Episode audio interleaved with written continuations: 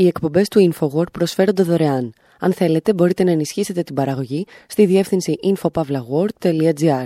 Η διεύθυνση infopavlagor.gr. Η εκπομπή InfoWord με τον Άρη Χατζηστεφάνου.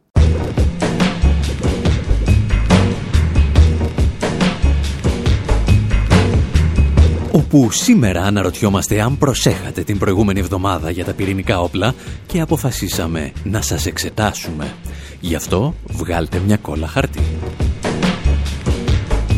Θέλουμε να υπολογίσετε πόσο πιθανό είναι το σενάριο ενός πυρηνικού πολέμου μεταξύ Ινδίας και Πακιστάν και ύστερα να μας πείτε πού να κρυφτούμε εάν αυτός ξεσπάσει.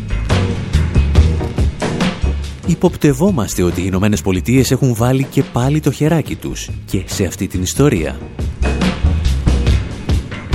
Ταξιδεύουμε γι' αυτό μερικές δεκαετίες πίσω και συναντάμε έναν αβράκοτο που καθόριζε το μέλλον χωρών όπως η Ελλάδα, το Αφγανιστάν και το Πακιστάν.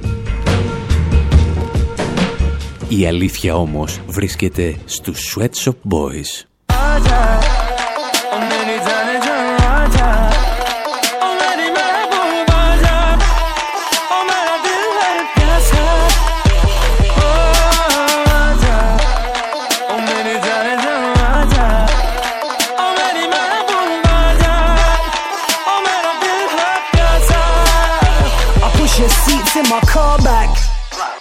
Polish girl chat that Slovak.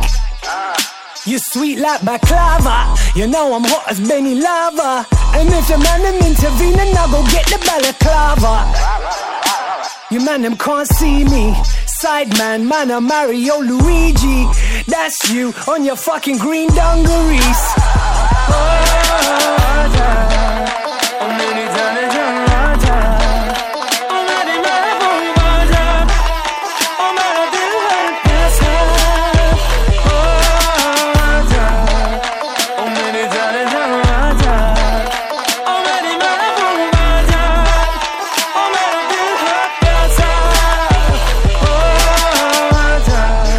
Savile Row on a businessman. Only girl I know that don't have Instagram. No Instagram. Cause you get so shy in photos, but you're so fine walking around in real life. It's actually like your Photoshop. Don't be Photoshop. When a popo stop me, you're like, yo, yo, what? Yo, yo, yo, what? You're so solid like garage when Ono dropped. Oh, no. Yo, you brought me back like Robocop. 80, baby. Cause of the girls, but you turn the FOMO off.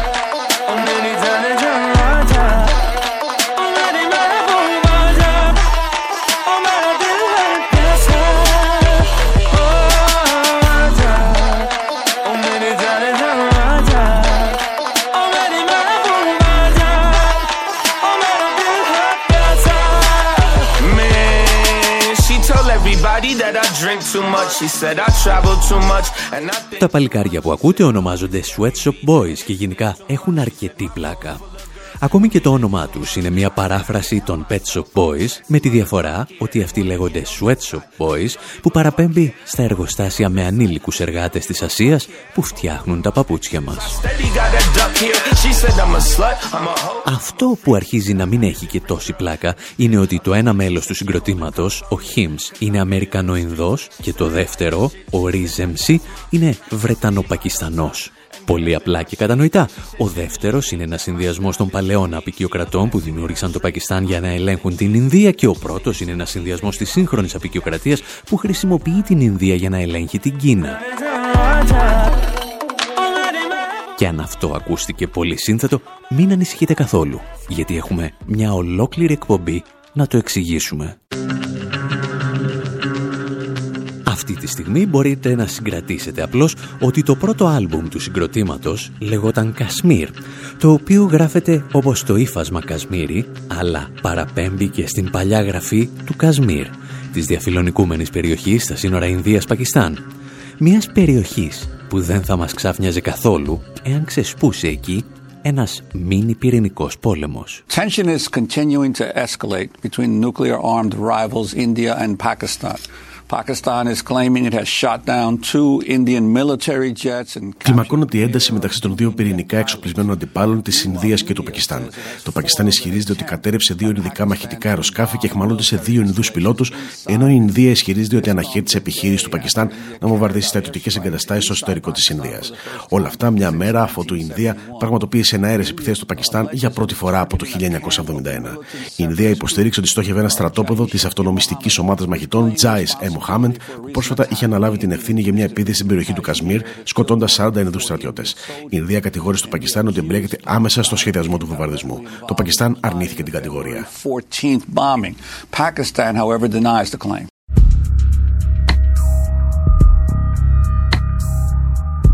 Το πρόβλημα, όπως εξηγήσαμε στην προηγούμενη εκπομπή, είναι πως όταν δύο χώρες διαθέτουν πυρηνικά όπλα χαμηλής ισχύως, όπως συμβαίνει με την Ινδία και το Πακιστάν, το ενδεχόμενο ενός πυρηνικού πολέμου γίνεται πολύ πιο πιθανό.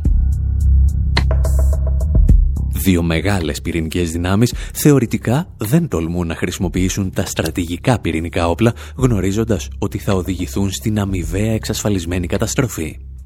Αντίθετα, χώρες που διαθέτουν μικρά πυρηνικά όπλα μπορεί να μπουν πιο εύκολα στον πειρασμό να πατήσουν το κουμπί. Όπως είδαμε επίσης στην προηγούμενη εκπομπή, οι Ηνωμένες Πολιτείες είναι μία από τις βασικές χώρες που προωθούν τα πυρηνικά όπλα χαμηλής ισχύως, οδηγώντας σε επικίνδυνη αποσταθεροποίηση ολόκληρο τον πλανήτη. Και σήμερα θέλουμε να δούμε πώς εμπλέκονται και στην ίδια τη σύγκρουση Ινδίας-Πακιστάν, η οποία θα μπορούσε να προκαλέσει αλυσιδωτές αντιδράσεις σε ολόκληρη την Ανατολική Ασία. Για αυτό όμως θα χρειαστούμε πρώτα την πολιτική ανάλυση των Asian Dub Foundation.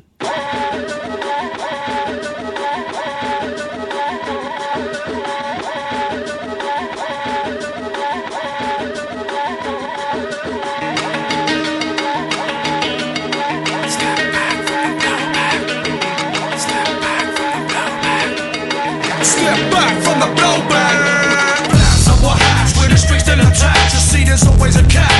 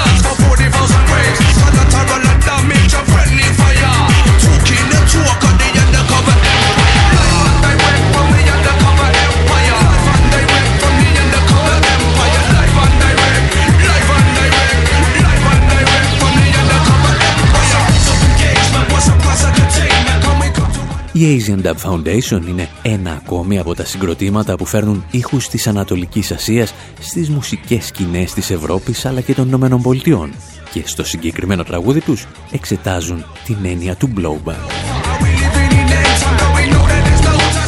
Όπου blowback, όπως έχουμε εξηγήσει, είναι ο όρος που χρησιμοποιούν οι μυστικές υπηρεσίες όταν ένας δικός τους άνθρωπος ή ένας πράκτορας στρέφεται εναντίον τους. Στον κόσμο του blowback, λέει το τραγούδι, το πετρέλαιο είναι πιο παχύρευστο από το αίμα. Αυτόν που χτες είχες για σύμμαχο, σήμερα τον αποκαλείς σχιζοφρενή. Και αυτόν που είχες για πελάτη, σήμερα τον αντιμετωπίζεις σαν την πηγή όλων των δεινών του κόσμου. Θα χρειαζόμασταν πολλές εκπομπές για να αναλύσουμε όλα τα ζητήματα που θίγει το συγκεκριμένο τραγούδι, γιατί αναφέρεται από τον Σαντάμ Χουσέιν και τον Οσάμα Μπιν Λάντεν μέχρι τους αγωγούς πετρελαίου και φυσικού αερίου της Κεντρικής Ασίας. Σήμερα. Όμως μας ενδιαφέρει μόνο εκείνο το στιχάκι που λέει «Καλή στην Ινδία και το Πακιστάν να ηρεμήσουν, αλλά την επόμενη στιγμή τους πουλάς μαχητικά αεροσκάφη δισεκατομμυρίων δολάριων». Ομολογουμένως η Ινδία και το Πακιστάν είναι τα τελευταία χρόνια ο ορισμός του γεωπολιτικού blowback. Δηλαδή, είναι δύο χώρες που αλλάζουν συνεχώς ρόλους ανάμεσα στο καλό και το κακό, τουλάχιστον για τα μάτια της δύσης. Το βέβαιο είναι ότι καμία υπερδύναμη δεν ήθελε ποτέ να ζουν ειρηνικά. Γεγονός που πηγαίνει την ιστορία μας σχεδόν 7 δεκαετίες πίσω, την εποχή που ο θεός της Αγγλίας λίγο πριν αποσυρθεί δημιούργησε το Πακιστάν κόβοντας ένα κομμάτι από τον αριστερό ώμο της Ινδίας. Through Karachi's streets drives the Qadi Azam, Muhammad Ali Jinnah, Pakistan's first Governor-General. It's Karachi's first day of independence, and the crowds are out to greet him and Earl Mountbatten. On his last day as Viceroy, he is here to inaugurate the transfer of power. 1947, τα επίκαιρα της Βρετανικής Αυτοκρατορίας ανακοινώνουν τη δημιουργία του κράτους του Πακιστάν.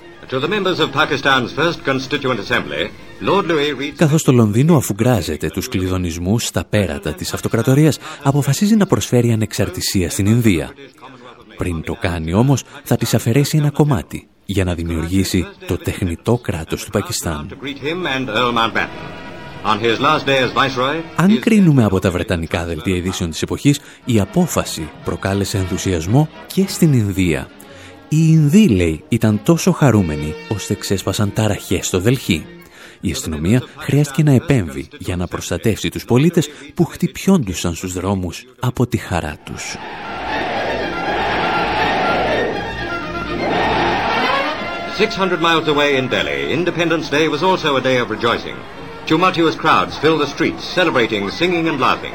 Police were called out many times to restore order, where everyone ran wild with joy.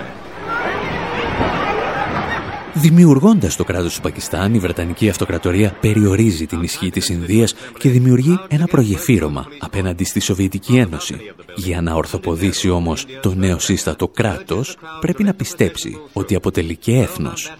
Μια τεχνητή διαδικασία με την οποία κάποιοι προσπαθούν να σε πείσουν ότι εσύ και το αφεντικό σου είστε ένα και το αυτό. Ομολογουμένως το θέμα είναι ελαφρώς πιο σύνθετο με μερικές παραπάνω διαμεσολαβήσεις. Αλλά νομίζουμε ότι καταλαβαίνόμαστε.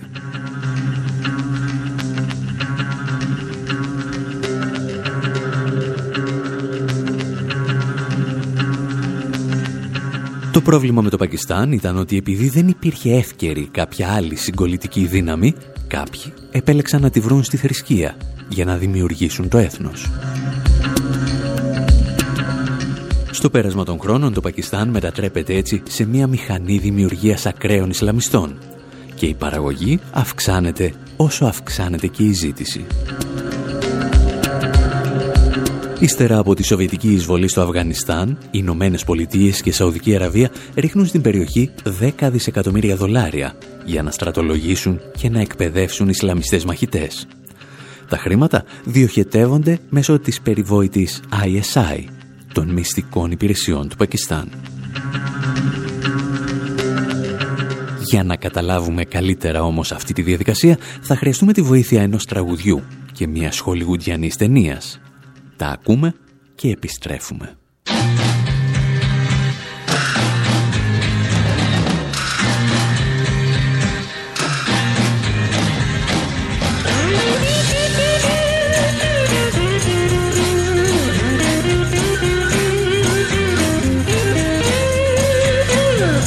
Must be some kind of way out of here. Say the joker to the thief. There's too much confusion. I can't get no relief. Businessman there, drink my wine. Plowman, dig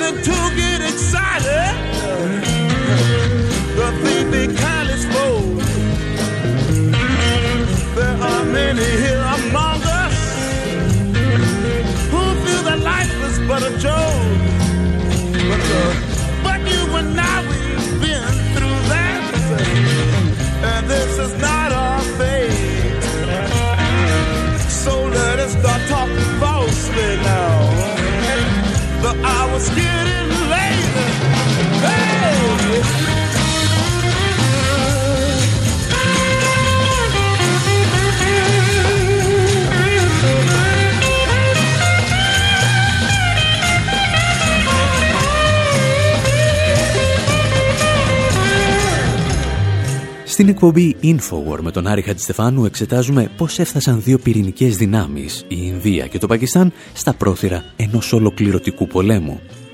Και κυρίως εξετάζουμε τι ρόλο έπαιξαν σε αυτό οι δύο αυτοκρατορίες του 20ου αιώνα, η Μεγάλη Βρετανία και οι Ηνωμένες Πολιτείες. Και ο λόγος για τον οποίο ακούμε τώρα ιστορίες για παλιάτσους και για ληστές από τον Τζίμι Χέντριξ είναι ότι το συγκεκριμένο τραγούδι αποτέλεσε και το soundtrack της ταινίας Charlie Wilson's War. Joanne. I have been passionately involved with the cause of the Afghans since the day the communists marched in. I need airplanes, guns and money. Ο Τσάρλι Βίλσον, αν δεν έχετε δει την ταινία, ήταν ο δημοκρατικός γερουσιαστής από το Τέξας που ενορχίστρωσε μαζί με τη CIA την περίφημη επιχείρηση Κυκλώνας, τη μεγαλύτερη μυστική επιχείρηση στην ιστορία των Ηνωμένων Πολιτειών. Στόχος της επιχείρησης ήταν να εξοπλιστούν οι δυνάμεις των Μουτζαχεντίν στο Αφγανιστάν για να πολεμήσουν τη Σοβιετική εισβολή. Για την ιστορία, από την πλευρά της CIA, την επιχείρηση είχε αναλάβει να οργανώσει ένας παλιός μας γνώριμος, ο Γκάς Σταυράκοτος, ο άνθρωπος που φέρεται να αποτελούσε το σύνδεσμο της CIA με την ελληνική ΚΙΠ και με το δικτάτορα Παπαδόπουλο. Τα εξηγούσε όμως καλύτερα ο ίδιος στην ταινία Charlie Wilson's War. I've been with the company for 24 years. I was posted in Greece for 15. Δουλεύω στη CIA για 24 χρόνια. Για 15 χρόνια είμαι στο σταθμό της Ελλάδας. Ο Παπανδρέου θα έχει κερδίσει τις εκλογές αν δεν είχα βοηθήσει τη Χούντα να τον συλλάβει. Έδαινα συμβουλές στον ελληνικό στρατό και εξουδετέρωνα κομμουνιστές. Θέλω λοιπόν να μάθω γιατί δεν με κάνει σταθμάρχη στο Ελσίνκι.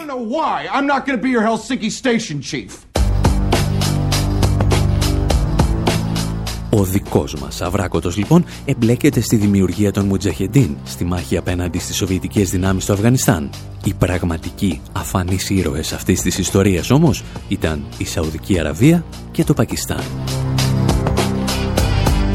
Η Σαουδική Αραβία αποτελούσε την τράπεζα η οποία εξέδιδε τις επιταγές των Αμερικανικών μυστικών υπηρεσιών και οι επιταγές εξαργυρώνονταν στο Πακιστάν οι μυστικές υπηρεσίες του οποίου εκπαίδευαν Ισλαμιστές μαχητές που θα πολεμούσαν τη Σοβιετική Ένωση.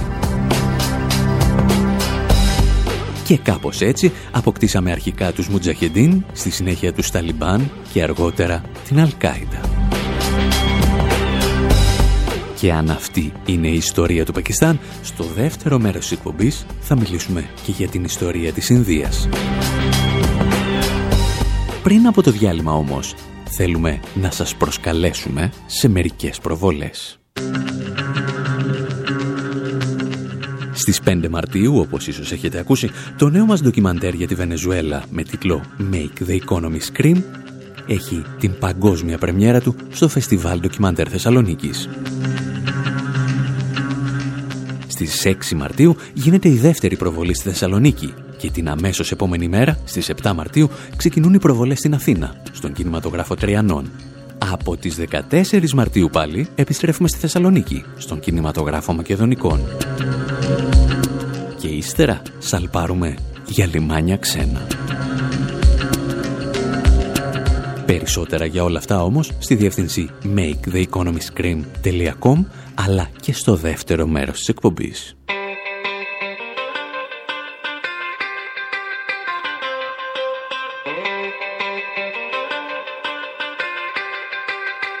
This one's called Naxalite.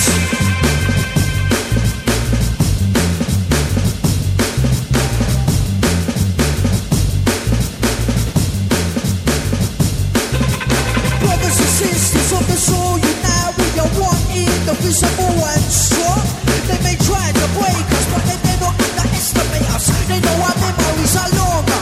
I said the past are sleeping villages. That's how they're pitching it. At least that's what they try to pretend.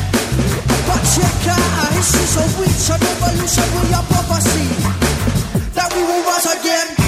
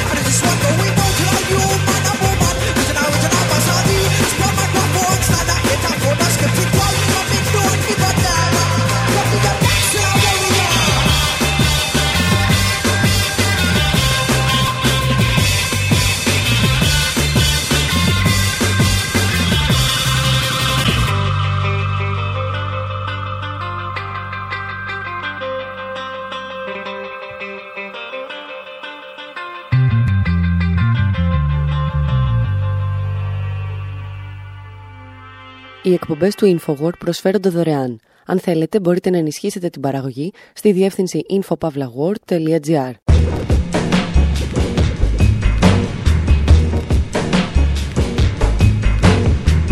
Εκπομπή InfoWord, μέρος δεύτερο όπου παρατηρούμε δύο πυρηνικές δυνάμεις στα πρόθυρα του ολοκληρωτικού πολέμου και αναζητούμε ευθύνες σε κάποιες υπερδυνάμεις που τις οδήγησαν σε αυτή την κατάσταση. Έχουμε αφήσει την ιστορία μας στη στιγμή που το Πακιστάν γίνεται ένα τεράστιο κέντρο παραγωγής Ισλαμιστών τρομοκρατών με τις ευλογίες των Ηνωμένων Πολιτειών και τη χρηματοδότηση της Σαουδικής Αραβίας. Και από εκεί θα συνεχίσουμε ύστερα από αυτό.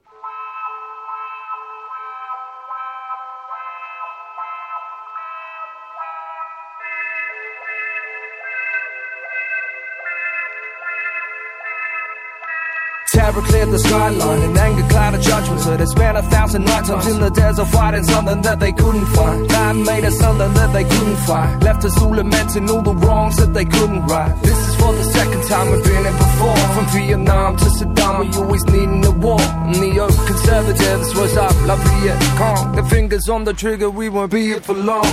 They killed MLK and they named the day after JFK and then the airport after him. Some guy shot him, what's a courageous so he could borrow.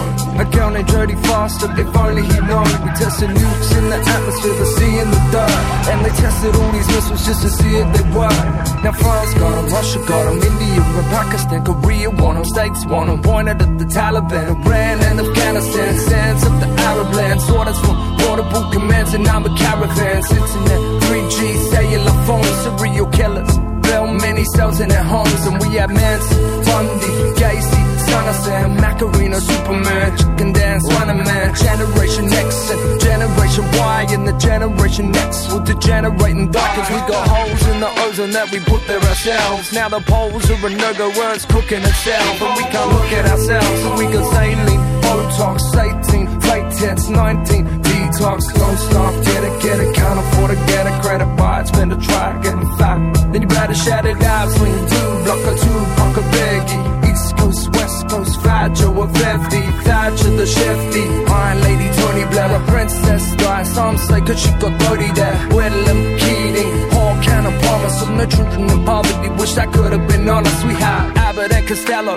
right wing overlords, promises and children. They threw them both overboard. Overwrought refugees sworn to a group home or jail for the crime of looking for a new home. Elvis died, Henry died, Lennon died, genocide in Africa, Serbia, Cambodia, pesticides, fire, toxins, chemical warfare, and what we're worth, what I bearer, more terror, more unjust, such as seizures. A tidal wave came and claimed the coast of Indonesia, quakes in Iran, Japan, to California, greenhouse gas turned the world into a sauna. The trauma of mortars, martyrs, slaughters, of partners, mourners, fathers and daughters. They chased us, caught us, numbered us, disorders, raped us, scorned us, to break us, they bought us. World kidneys for captains of industry, uprising industry, corruption in the ministry. A blowjob brought about the fall of the dynasty. In MP3 saw the fall of an industry. Global population, half accommodation, carved the resources, and we starved the poorer nations. Beirut, Chechnya, all hell broke loose. Berlin, 1989, man, a wall fell. Cold War but that didn't stop. More shells, Waco, lit up the sky like burning oil wells. A world laid waste with addiction. Tell all world truth so strange and infection. Big brothers on post second TV and on cable. Realities unscripted, celebrities for sale. Jeopardy in jail, seized the polls. Remedies and penalties for failed CEOs. We had the Enron collapsing. White collar crime investors they were taxed. A dollar for a dime. The blue chip companies and blue sky mines. We no longer choose sides, we choose sidelines.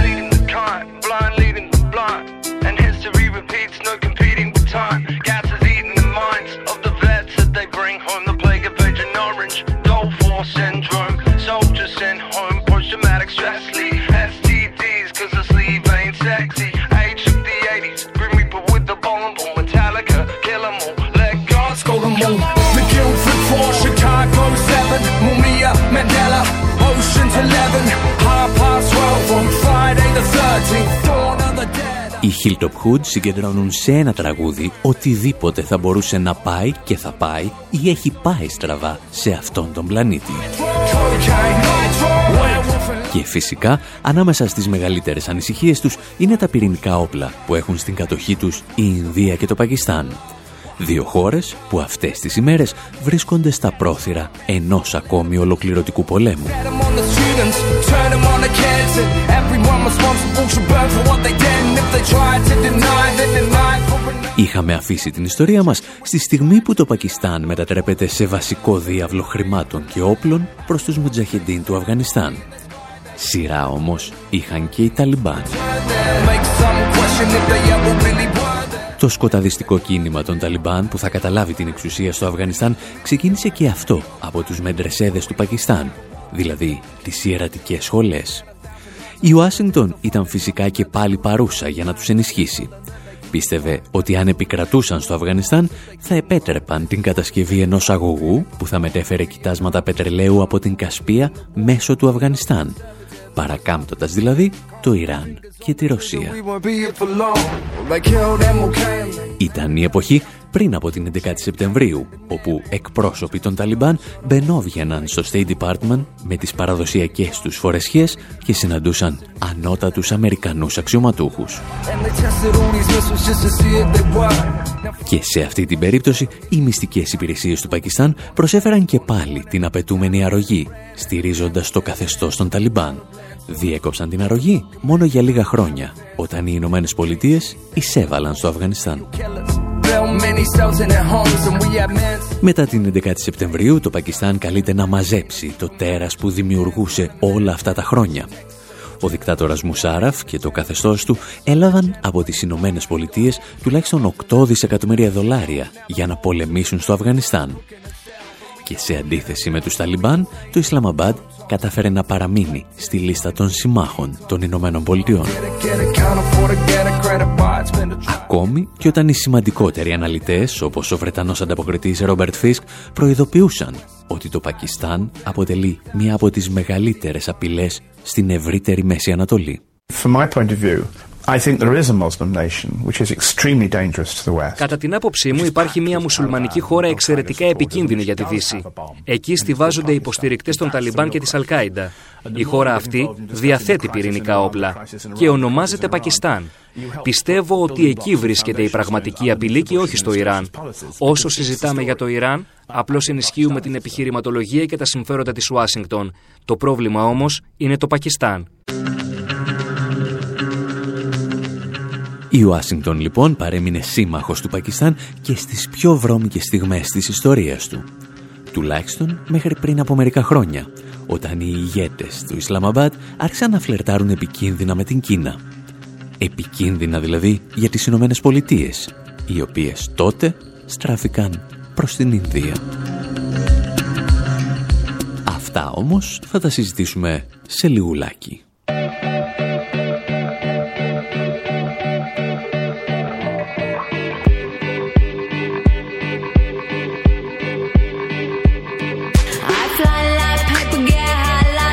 If you catch me at the border, I got visas in my name. If you come around here, I'll make a all day. I get one down in a second if you wait. I fly like paper, get high like planes. If you catch me at the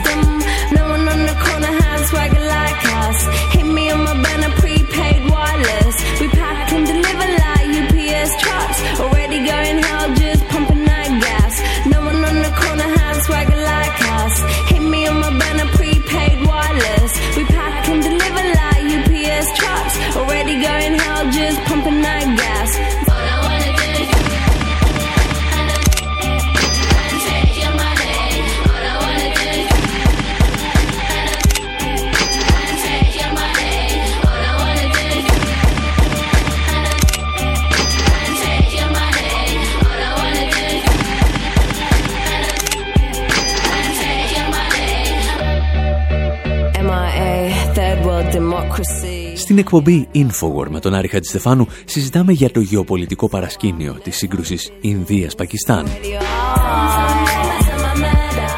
Και είμαστε στην κρίσιμη εκείνη στιγμή που το Πακιστάν αληθορίζει προς την Κίνα και οι Ηνωμένες Πολιτείες βρίσκουν ένα νέο σύμμαχο στην Ινδία. Την Ινδία του δεξιού πρωθυπουργού Νερέντα Μόντι. Το πέρασμα της Ινδίας στη σφαίρα επιρροής της Ουάσιγκτον ήταν ένας στόχος για τον οποίο μάχονταν το κόμμα του Μόντι, τον Παρατή Τζανάτα, εδώ και δεκαετίες. Μόνο αυτός όμως κατάφερε να μετατρέψει μια πάλε ποτέ αδέσμευτη χώρα σε στρατιωτική βάση των Ηνωμένων Πολιτειών. Τα εξηγούσε πριν από μερικά χρόνια στο Real News Network ο εξαιρετικός μαρξιστής ιστορικός από την Ινδία, Vihai Prasad. Modi is an interesting man. Uh, he uh, you know, has eager to make a very close relationship with the United States. Ο Μόντι είναι ένας ενδιαφέρον άνθρωπος. Είναι, ξέρετε, πρόθυμος να εδραιώσει μια πολύ στενή σχέση με τις ΗΠΑ. Αυτή ήταν η θέση του κόμματός του και η πορεία που ακολουθεί από τότε που η Ινδία έγινε ανεξάρτητη. Το 1947 οι προκάτοχοί του στο κόμμα ήθελαν να ασκήσουν πιέσεις για ενίσχυση των σχέσεων με τις ΗΠΑ. Ήταν σκληροί αντικομουνιστές. Δυστυχώς για αυτούς, για τα επόμενα περίπου 50 χρόνια, η Ινδία τήρησε ουδέτερη σχέση όσον αφορά τη Σοβιετική Ένωση και τις ΗΠΑ. Στην πραγματικότητα ήταν πολύ καχύποπτη απέναντι στις ΗΠΑ. Ο κύριος Μόντι, βέβαια, θέλει να έχει στενέ σχέσει με τις ΗΠΑ, γεγονός το οποίο αποτελεί μια πολύ διαφορετική προσέγγιση για την εξωτερική πολιτική της Ινδίας.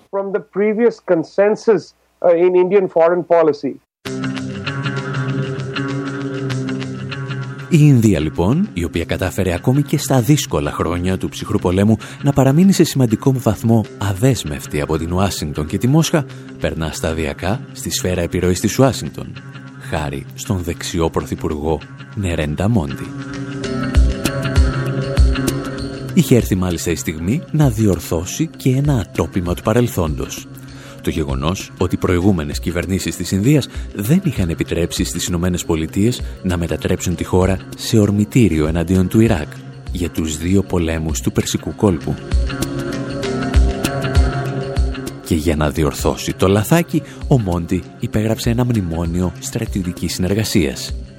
Γιατί πάντα με ένα μνημόνιο διορθώνονται τα σημαντικά λάθη όπως η ανεξαρτησία και η εθνική κυριαρχία. This uh, memorandum of agreement will allow American aircraft and ships to refuel αυτή η συμφωνία θα επέτρεπε στα Αμερικανικά αεροσκάφη και πλοία να αναφοδιαστούν με καύσιμα και να έχουν υλικοτεχνική υποστήριξη στην Ινδία. Αυτό είναι σημαντικό γιατί κατά τη διάρκεια του πολέμου στο Ιράκ το 2003 οι Αμερικάνοι πίεζαν την κυβέρνηση της Ινδίας να στείλει στρατό στο Ιράκ, το οποίο το αρνήθηκε το Ινδικό Κοινοβούλιο. Παράλληλα, ήθελαν να επιτραπεί σε Αμερικανικά αεροσκάφη να ανεφοδιάζονται με καύσιμα στην Ινδία. Η ενισχυμένη στρατιωτική δεσμή, λοιπόν, είναι νομίζω σημαντικό κέρδος για το κόμμα του Μόντι. Και πράγματι αυτό θα επιτρέψει στην Ινδία να φιλοξενεί πολλές μικρές στρατιωτικές βάσεις για την προβολή της Αμερικανικής ισχύω essentially uh, for the, uh, for the projection of American power. Το ερώτημα βέβαια σε αυτό το σημείο δεν είναι αν η Ουάσιγκτον χρησιμοποιεί την Ινδία για την προβολή της στρατιωτικής της ισχύω, αλλά σε ποιον προβάλλει την ισχύ της. Και εδώ η απάντηση του Πρασάντ είναι σαφής. Στο Πεκίνο. Για αρκετούς αναλυτές, η Ινδία δεν θα είχε πραγματοποιήσει τους πρόσφατους βομβαρδισμούς στο έδαφος του Πακιστάν εάν δεν είχε λάβει το πράσινο φως από το Λευκό Οίκο και συγκεκριμένα από τον Σύμβουλο Εθνικής Ασφάλειας του Τραμπ, Τζον Μπόλτον. Ένα μικρό δωράκι σε ένα νέο σύμμαχο, τον Πρωθυπουργό της Ινδίας, ο οποίος παρεπιπτόντος έχει μπροστά του και κρίσιμες εκλογές και ένας πόλεμος ή έστω η απειλή ενός πολέμου είναι πάντα το καλύτερο εργαλείο για να συνετίζεις το πόπολο και να το συσπυρώνεις γύρω από την ηγεσία σου.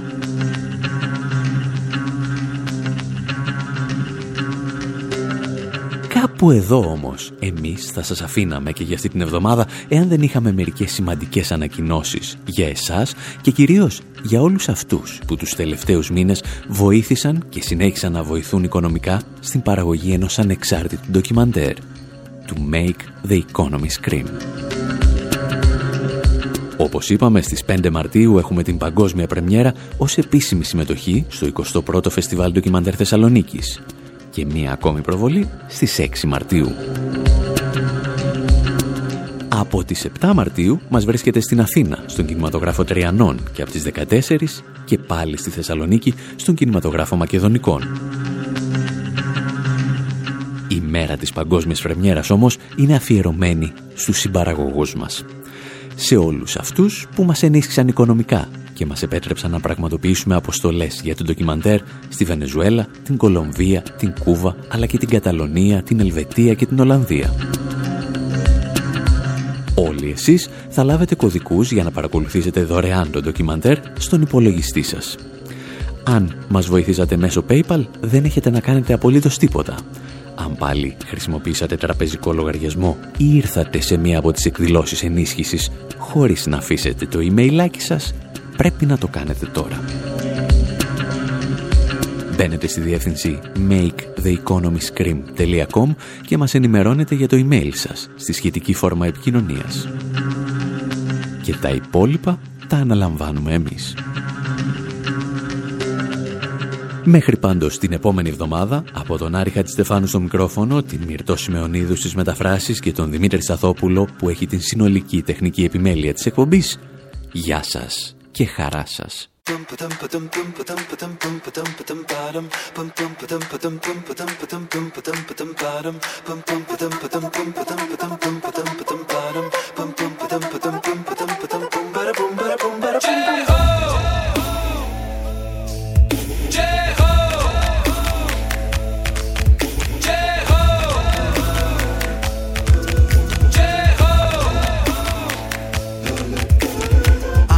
आजा जिंद शामी आने के ताले, आजा जरे वाले नीले आसमान की ताले।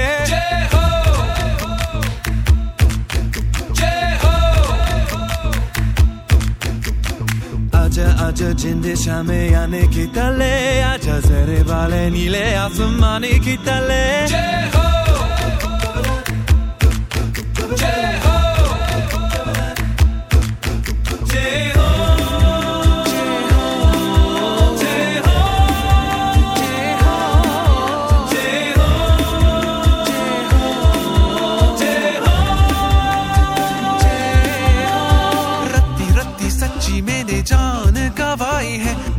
नाची नाची पे रात बिताई है अखियों की नींद मैंने फूकों से उड़ा दी गिन गिन दारे मैंने उंगली जलाई है ओ आजा आजा जिंद शामे आने के तले आजा जरे वाले नीले आसमान की तले